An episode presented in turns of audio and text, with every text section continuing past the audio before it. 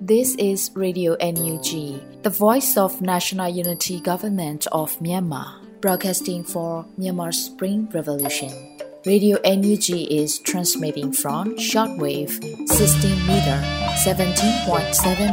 MHz at 8:30 a.m. and 25 meter 11.94 MHz at 8:30 p.m. Myanmar Standard Time.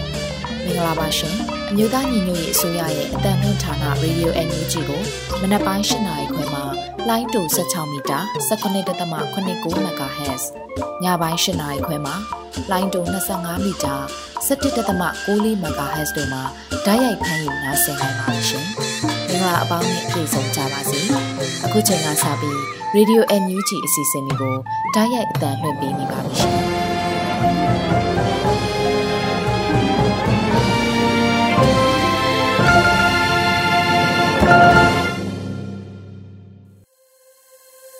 မြန်မာနိုင်ငံသူနိုင်ငံသားအပေါင်းတဘာဝပေးဆရာနာရှင်ပြီးတို့ကနေကင်းဝေးပြီးကိုစိတ်နှစ်ပါးဘေးကင်းလုံခြုံကြပါစေလို့ရေဒီယိုအန်ယူဂျီခွဲသားများကဆုတောင်းမြတ်တာပို့သလိုက်ရပါတယ်ရှင်။အခုချိန်ကစပြီးကာကွယ်ရေးဝန်ကြီးဌာနရဲ့စီရေးသတင်းချင်းချုပ်ကိုတော့ရေဦးလင်ကမှဖတ်ကြားတင်ပြပေးပါရမရှင်။ ကာကွယ်ဝင်ကြီးဌာနအမျိုးသားညီညွတ်ရေးဆိုရမှာအောက်တိုဘာလ2ရက်နေ့2022ခုနှစ်ထုတ်ဝေတဲ့စီးရေးသတင်းချင်းချုပ်ကိုတင်ဆက်ပေးတော့မှာဖြစ်ပါတယ်။စစ်ကောင်စီတပ်သား23သေဆုံးပြီး23ထိခိုက်ဒဏ်ရာရရှိခဲ့ကြောင်းသတင်းရရှိပါရခင်ဗျာ။စစ်ကောင်စီနဲ့တိုက်ပွဲဖြစ်ပွားမှုသတင်းတွေကိုတင်ဆက်ပေးကြပါမယ်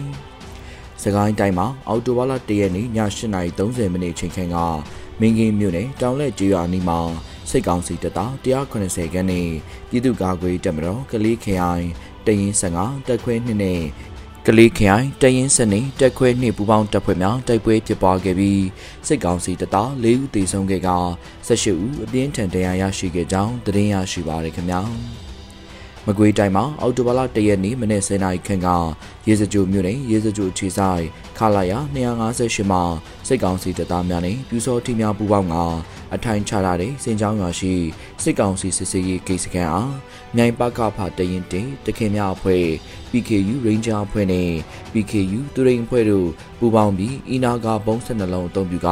drone နဲ့ဘုံကျဲတိုက်ခိုက်ခဲ့ပြီးစိတ်ကောင်းစီတပ်သား2ဦးထိခိုက်ဒဏ်ရာရရှိခဲ့ကြောင်းသတင်းရရှိပါရခင်ဗျာ။ အောက်တိုဘာလ၁ရက်နေ့နေ့လယ်3နာရီခန့်ကမြိုင်မြို့နယ်တောင်ရိုးကျွော်ဘက်သို့ရောက်ရှိလာတဲ့တရက်ကန်ရဲစခန်းကိုဖျက်သိမ်းလာတဲ့စစ်ကောင်စီနဲ့ရဲတပ်သားများလိုက်ပါလာတဲ့စစ်ကောင်စီစစ်ကြောင်းအားဘာမတီလက်နက်ကြီးပျောက်ကြားအဖွဲ့က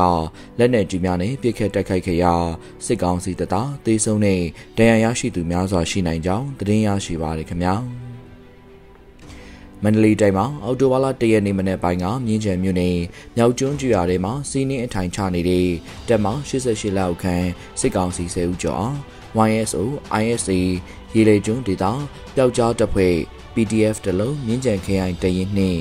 MGN Ranger မြင်းချံခရိုင်တရင်နှင့် PDF Mandalay Black Wolf PDF Phoenix Mobile People's Defense Force နဲ့ဗိုလ်ကြားတဲ့ပွဲတို့ပူးပေါင်း၍စီးနင်းတိုက်ခိုက်ခဲ့ရာ တိုက်ပွဲကြာမြင့်ချိန်45မိနစ်အတွင်းစစ်ကောင်စီအရာရှိအဆင့်အပါအဝင်6ဦးသေဆုံးခဲ့ပြီးကြံစစ်ကောင်စီများမှပြင်းထန်တရားများနဲ့စခန်းမှာဆုံးခွာထွက်ပြေးနေရပြီးအဆိုပါစခန်းအားသိမ်းပိုက်နိုင်ခဲ့ပါသည်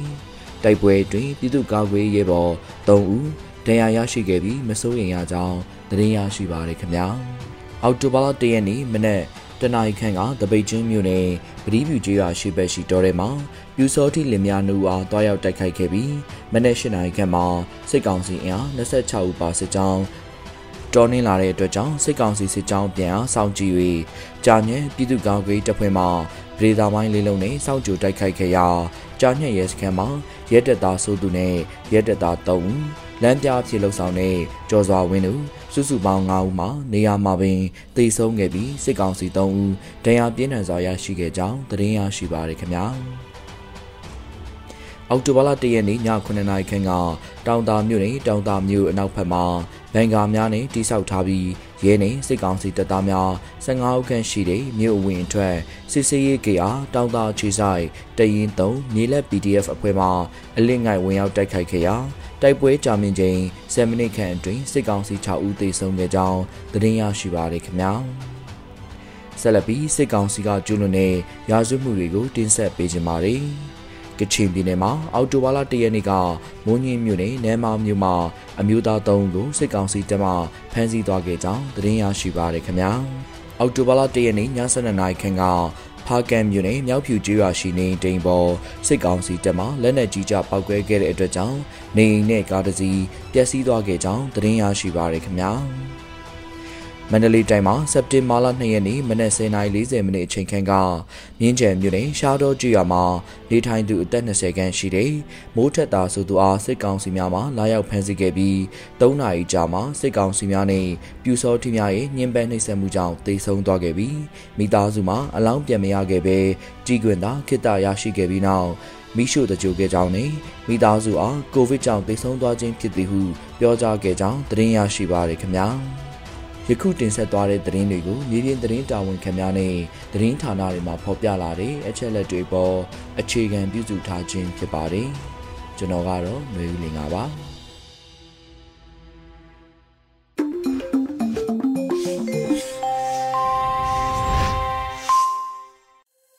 ရေဒီယိုညူချီမှာဆက်လက်တမ်းလွှင့်နေပါတယ်။အခုဆက်လက်ပြီးနားဆင်ကြရမှာကတော့နောက်ဆုံးရသတင်းများဖြစ်ပါတယ်။လူဦးမှုမှဖတ်ကြားတင်ပြပေးပါရမရှင်။ မင်္ဂလာပါခင်ဗျာ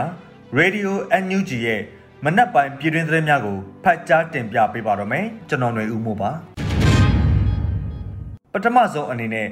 အမျိုးသားညီညွတ်ရေးအစိုးရဂျားကာလာဒေသနရပြည်သူ့အုပ်ချုပ်ရေးဖော်ဆောင်မှုဗဟိုကော်မတီနဲ့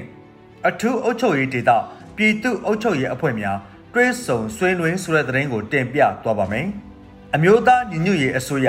ဂျားကာလာ ဒေသန္တရပြည်သူ့အုပ်ချုပ်ရေးဖော်ဆောင်မှုဗဟိုကော်မတီနှင့်အထူးအုပ်ချုပ်ရေးဒေသပြည်သူ့အုပ်ချုပ်ရေးအဖွဲ့များတွဲဆုံဆွေးနွေးခဲ့ပါတယ်။အော်တိုဘာလ2ရက်နေ့မှာ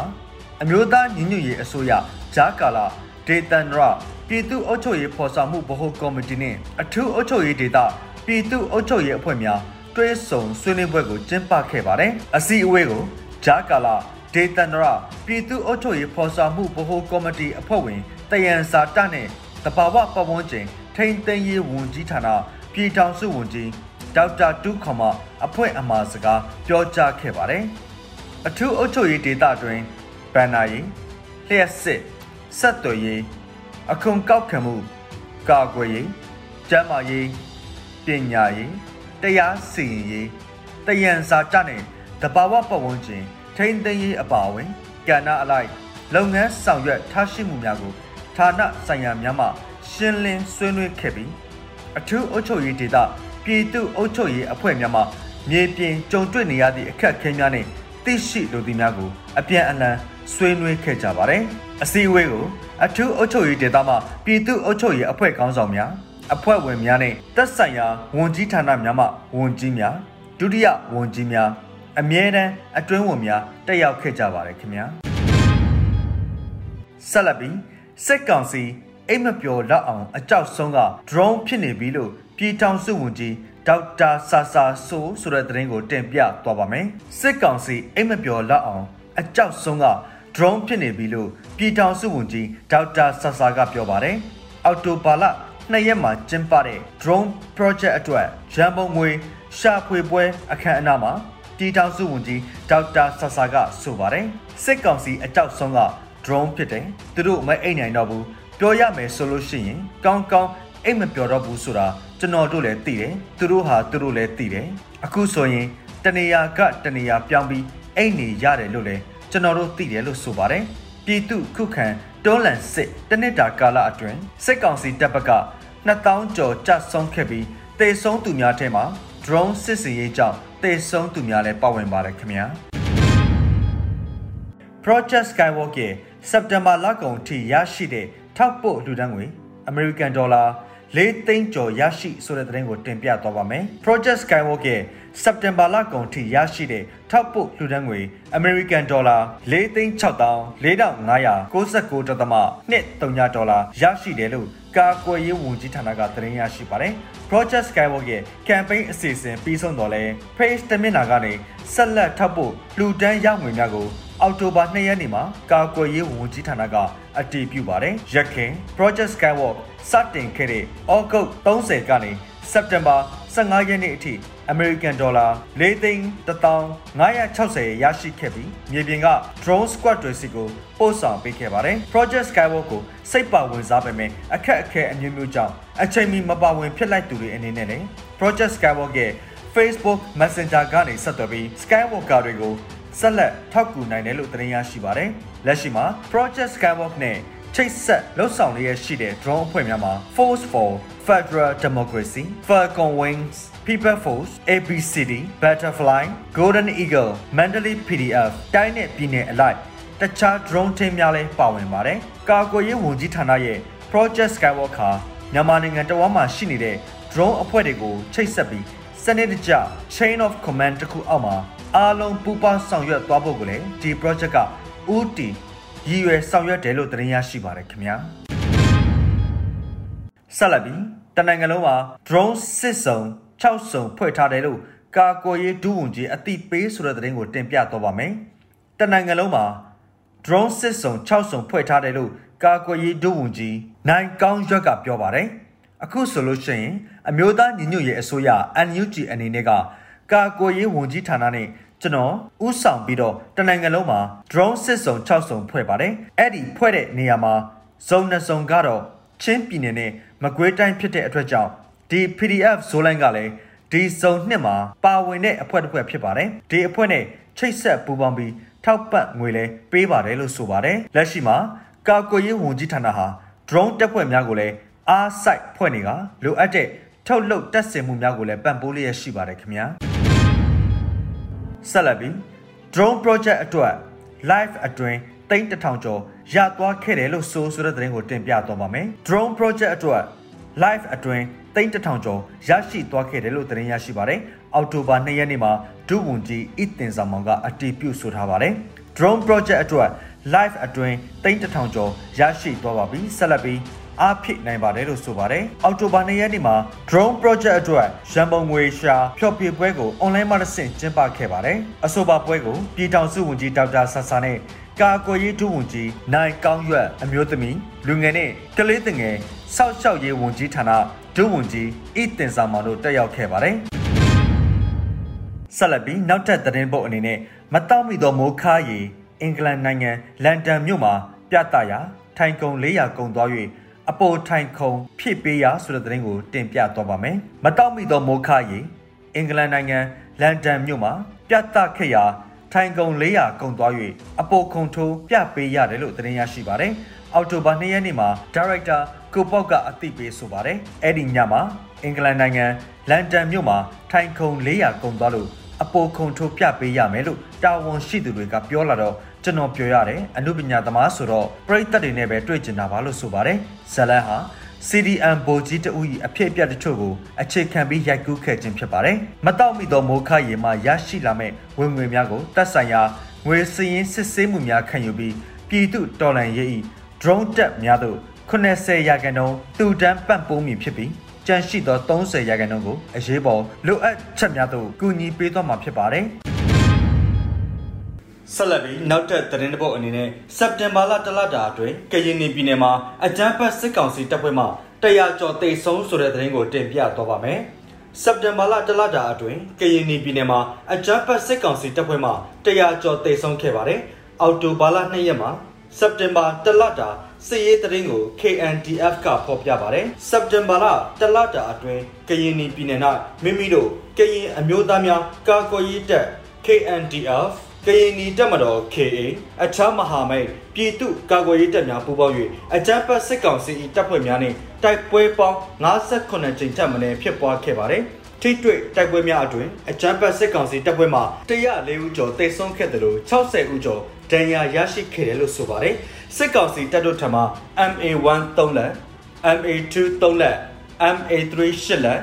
MG 17လက်တလက်60မမအသီး RPG အသီး စွပ်ပုံးနဲ့ခဲရဲများအတုံးဆောင်များကိုပါတင်စီနိုင်ခဲ့ပြီးစစ်ကားတစ်စီးဖျက်ဆီးနိုင်ခဲ့ပါတယ်။တလအတွင်းတိုက်ပွဲများ၌စစ်ကောင်စီတပ်မလက်နက်ကြီးများအလွန်ကျွံအုံပြုတိုက်ခိုက်ခဲ့ခြင်းကြောင့်ဒေသခံများ၏နေအိမ်တရာကျော်ဖျားကြောင်နှကြောင်ပျက်စီးခဲ့တယ်လို့တိုက်ပွဲဖြစ်ပွားခြင်းမရှိဘဲတစ်ဖက်သက်လက်နက်ကြီးပစ်ခတ်မှုများကြောင့်နေအိမ်ခုနှလုံးကျော်ထိခိုက်ပျက်စီးခဲ့ရပါတယ်။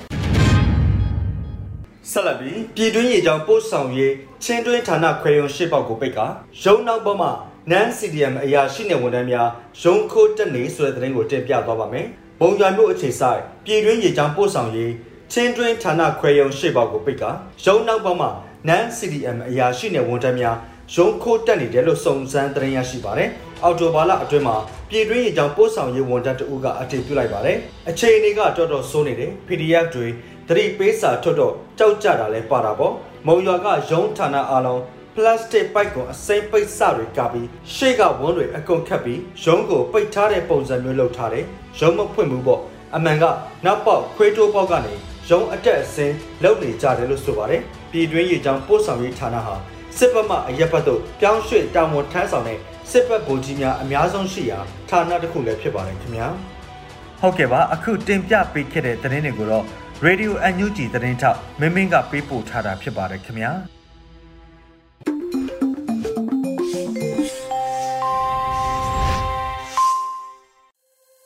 ဗီဒီယိုညူးချီရဲ့မနက်ခင်းစီစဉ်တွေကိုဆက်လက်တင်ပြနေပါတယ်။အခုဆက်လက်ပြီးနားဆင်ကြရမှာကတော့တော်လှန်ရေးကြပြစီစဉ်နေနဲ့ခင်ကြီးတရားလို့အမည်ရတဲ့တော်လှန်ရေးကြပြကိုနေသွင်းနိုင်ရေးသားပြီးနှွေဦးမိုးကခန်းစားရွတ်ပတ်ထားတာကိုနားဆင်ကြရတော့မှာဖြစ်ပါရဲ့ရှင်ခင်ကြီးတရားငါတို့တွေ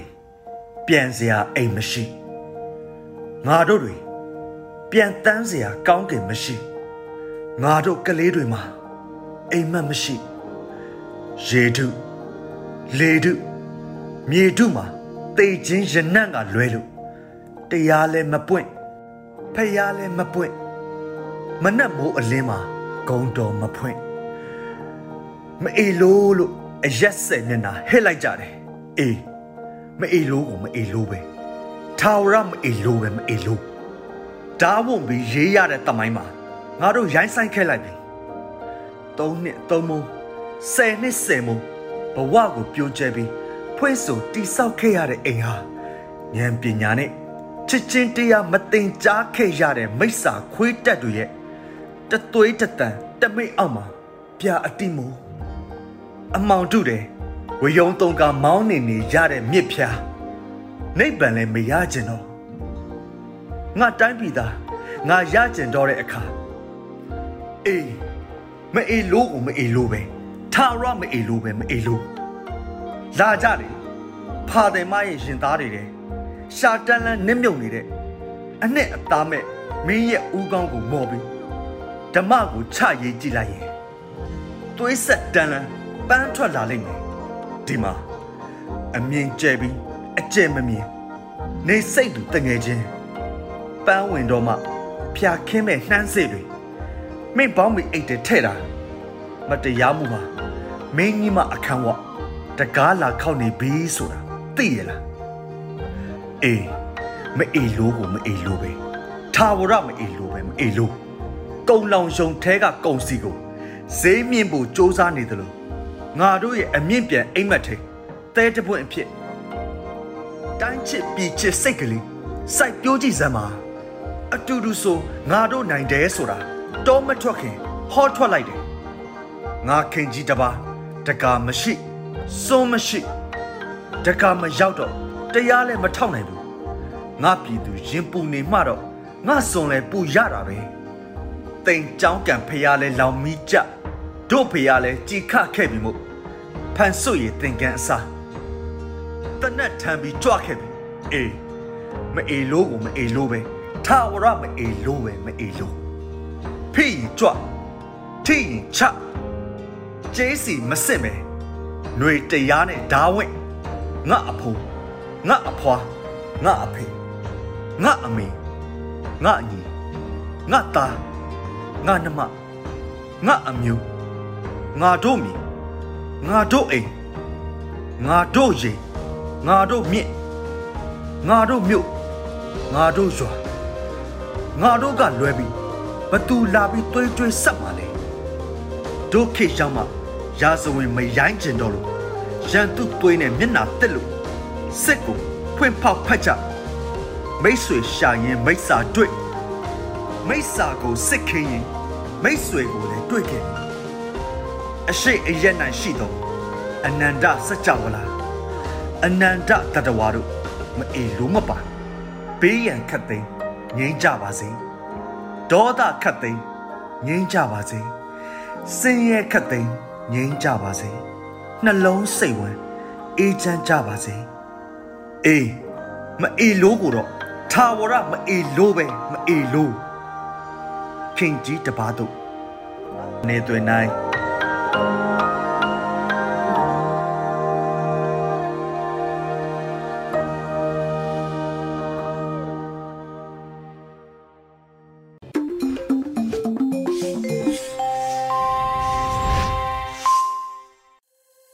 ရေဒီယိုအန်ယူဂျီပရိသတ်တွေအတွက်ကူးဆက်လက်ပြီးထုတ်လွှင့်ပေးမယ့်အစီအစဉ်ကတော့တော်လှန်ရေးတိဂီတာအစီအစဉ်ဖြစ်ပါတယ်။အစိမ်းသားကောင်တွေလို့အမည်ရတဲ့တော်လှန်ရေးတိဂီတာကို Lord Arm ကရေးသားပြီးတေးဆိုမိုင်းမိုင်ဆိုင်ကတီးဆိုထားတာကိုနားဆင်ကြရတော့မှာဖြစ်ပါတယ်ရှင်။။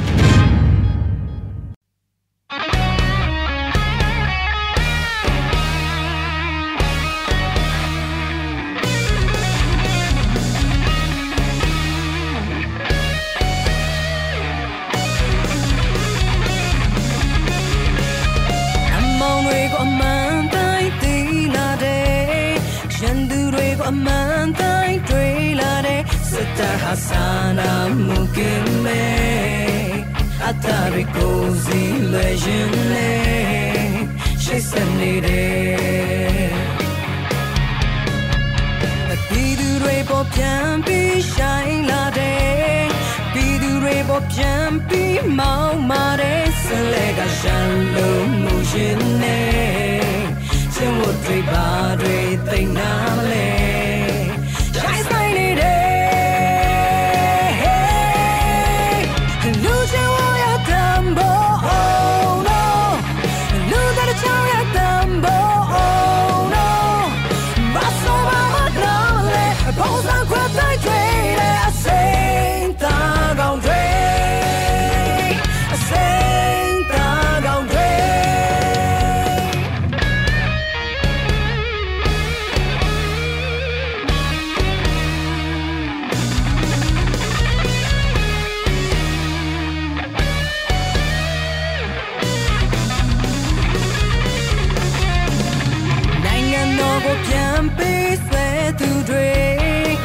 နိုင်ငံတော်ကိုဖျက်ဆီးခဲ့သူတွေလူရက်ကပိုင်းဆိုင်လို့စိနေ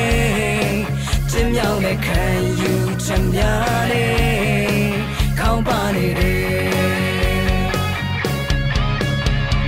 ပြည်သူတွေပေါ်ပြန်ပြီးရှိုင်းလာတယ်ပြည်သူတွေပေါ်ပြန်ပြီးမောင်းမာတယ်ဆလဲကရန်လို့မှုရှင်နေ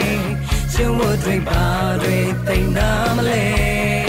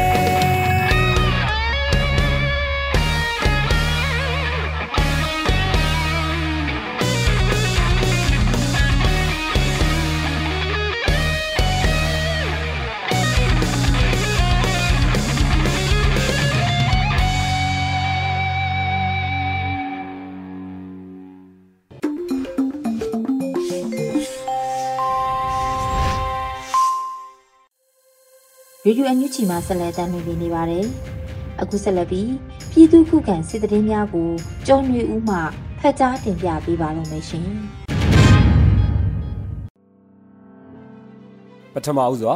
ချင်းတွင်းမြေအတွင်းအကြမ်းဖက်စစ်တပ်ရေရင်အုပ်စုပြစ်ခတ်တိုက်ခိုက်ခံရတဲ့တဲ့တင်တင်ဆက်ပါမယ်။ချင်းတွင်းမြေအတွင်းအကြမ်းဖက်စစ်တပ်ရေရင်အုပ်စုကိုဒေသခံကာကွယ်ရေးတပ်ဖွဲ့များကပြစ်ခတ်တိုက်ခိုက်ခဲ့ပြီးစစ်သည်မောများထိခိုက်ပျက်စီးမှုများရှိကြောင်းသိရပါတယ်။ စက်တင်ဘာလ30ရက်နေ့နနက်10:00နာရီခန့်မှာ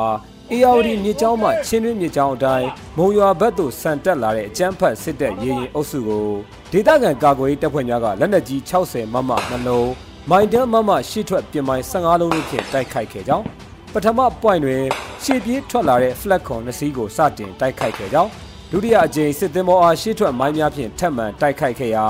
မိโกများထွက်လာပြီးအင်ဂျင်တစ်လုံးပျက်စီးသွားကြောင်း တတိယ point တွင်တိုက်ခိုက်မှုကြောင့်လေယာဉ်စီပေပါများတင်ဆောင်လာသောမော်တော်ယာဉ်မှာမီးလောင်ပျက်စီးမှုရှိကြောင်းသိရှိရပါတယ်။ဆက်လက်ပြီးပခုတ်ကူအင်မင်ရွာမှာတက်ဆွဲထားတဲ့စစ်တပ်ပြစ်ခတ်တိုက်ခိုက်ခံရပြီး၃ဦးသေဆုံးတဲ့တဲ့တင်တင်ဆက်မှာပါ။မကွေးတိုင်းပခုတ်ကူမြို့နယ်အင်မင်ရွာမှာတက်ဆွဲထားတဲ့အကြမ်းဖက်စစ်တပ်ကိုဒေသခံကာကွယ်တပ်ဖွဲ့များကလက်နက်ကြီးများဖြင့်ပစ်ခတ်တိုက်ခိုက်ခဲ့ပြီးစစ်သား၃ဦးသေဆုံးကြောင်းသိရပါတယ်။ အင်ပင်ကြီးရွာမှာတက်ဆွဲထားတဲ့စစ်တပ်ကိုဒေသခံကာကွယ်တပ်ဖွဲ့များကစက်တင်ဘာလ30ရက်နေ့မွန်းလွဲ3နာရီခန့်မှာကင်းထောက်တပ်ဖွဲ့ဒရုန်းတပ်ဖွဲ့လက်နက်ကြီးတပ်ဖွဲ့အော်တိုပျောက်ကြားတပ်ဖွဲ့များဖြင့်မြေပြင်ဝေဟင်တို့မှဖိအားပေးပစ်ခတ်ခဲ့ပြီးအပြန်အလှန်ထိတွေ့မှုတနာရီကျော်ကြာမြင့်ခဲ့က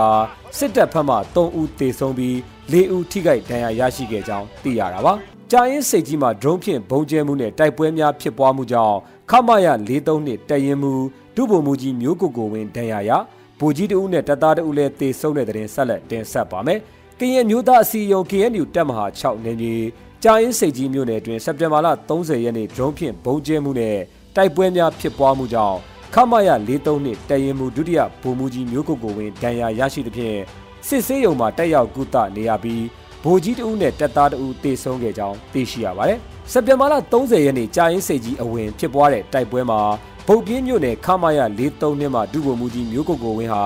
လက်နက်ကြီးထိမှန်၍ဒဏ်ရာရရှိပြီးအဆိုပါတပ်မှဗိုလ်ကြီးတဦးနဲ့တပ်သားတဦးတေဆုံးခြင်းဖြစ်ကြောင်းသိရှိရပါတယ်။အကြမ်းဖက်စစ်တပ်နဲ့ KNL ပူးပေါင်းတပ်ဖွဲ့ကြားကြာအင်းစိတ်ကြီးမြို့နယ်အတွင်း၌ထိတွေ့တိုက်ပွဲနေတိုင်းနီးပါးဖြစ်ပွားလျက်ရှိကြောင်း ကြာအင်းစိတ်ကြီးမြို့နယ်အခြေပြုငကနီစစ်ကြောင်းထံမှသိရပါတယ်။နောက်ဆုံးအနေနဲ့လောင်းလုံးတိုက်ပွဲမှာဒဏ်ရာရပြူစော်တီနှစ်ဦးထပ်မံတေဆုံးပြီးလက်နက်နှစ်လက်သိမ်းဆည်းရမိတဲ့တဲ့တင်တင်ဆက်ပါမယ်။တနင်္သာရီတိုင်းလောင်းလုံးမြို့နယ်ကြောက်နီမော်ရွာနဲ့ကြောက်မတ်တက်ရွာအနီးမှာစက်ကြီးကောက်ခံပြန်လာတဲ့ပြူစောထီးများကိုစက်တင်ဘာလ29ရက်နေ့ကတိုက်ခိုက်ခဲ့ရာပြူစောထီး2ဦးပွဲချင်းပြီးတေဆုံးပြီး2ဦးဒဏ်ရာရရှိခဲ့ရမှာအဆိုပါဒဏ်ရာရပြူစောထီး2ဦးလည်းထပ်မံတေဆုံးသွားကြောင်း လောင်းလုံးပြည်သူ့ကာကွယ်တပ်ဖွဲ့ထံမှသိရှိရပါတယ်။စက်တင်ဘာလ29ရက်နေ့မွန်လွယ်12နာရီခွဲခန့်အချိန်ကြောက်မတ်တက်ကြီးရွာနီးမှာတိုက်ပွဲငယ်ဖြစ်ပွားခဲ့ပြီးပြူ2ဦးတေဆုံးနှစ်ဦးဒဏ်ရာရ၍လောင်းလုံး LLPDF ရဲဘော်နှစ်ဦးလည်းကြည်ထိမှန်ဒဏ်ရာရရှိခဲ့ခြင်းဖြစ်ကြောင်းဒေသကာကွယ်တပ်ဖွဲ့ကသတင်းထုတ်ပြန်ပါတယ်။စက်တင်ဘာလ29ရက်နေ့မှာပဲဒဏ်ရာရရှိသူပြူနှစ်ဦးဆေးရုံအရောက်မှာထပ်မံတေဆုံး၍စုစုပေါင်း၄ဦးသေဆုံးခဲ့ကြောင်းအဲဒီနောက်လောင်းလုံး LLPDF ရဲဘော်များက တိုက်ပွဲဖြစ်ပွားရာနေရာကိုနေမြေတွားရောက်ရှင်းလင်းရာပြူစောတိများရဲ့ကာပိုင်တနက်တလက်လက်လုံတနက်အတူတလက် AKG အိမ်6ခုစစ်အုပ်ထုတ်တလုံးတို့ကိုရရှိခဲ့ကြောင်းအဆိုပါအဖွဲ့ကိုပြူစောတိခေါင်းဆောင်ချစ်စမ်းမောင်ဦးဆောင်နေခြင်းဖြစ်ပြီးကြေးရွာများကိုတရွာလုံးကိုမိရှို့မိဟုအမြဲချင်းချောက်နေသောအဖွဲ့ဖြစ်ကြောင်းထုတ်ပြန်ကြေညာထားပါတယ်ခင်ဗျာ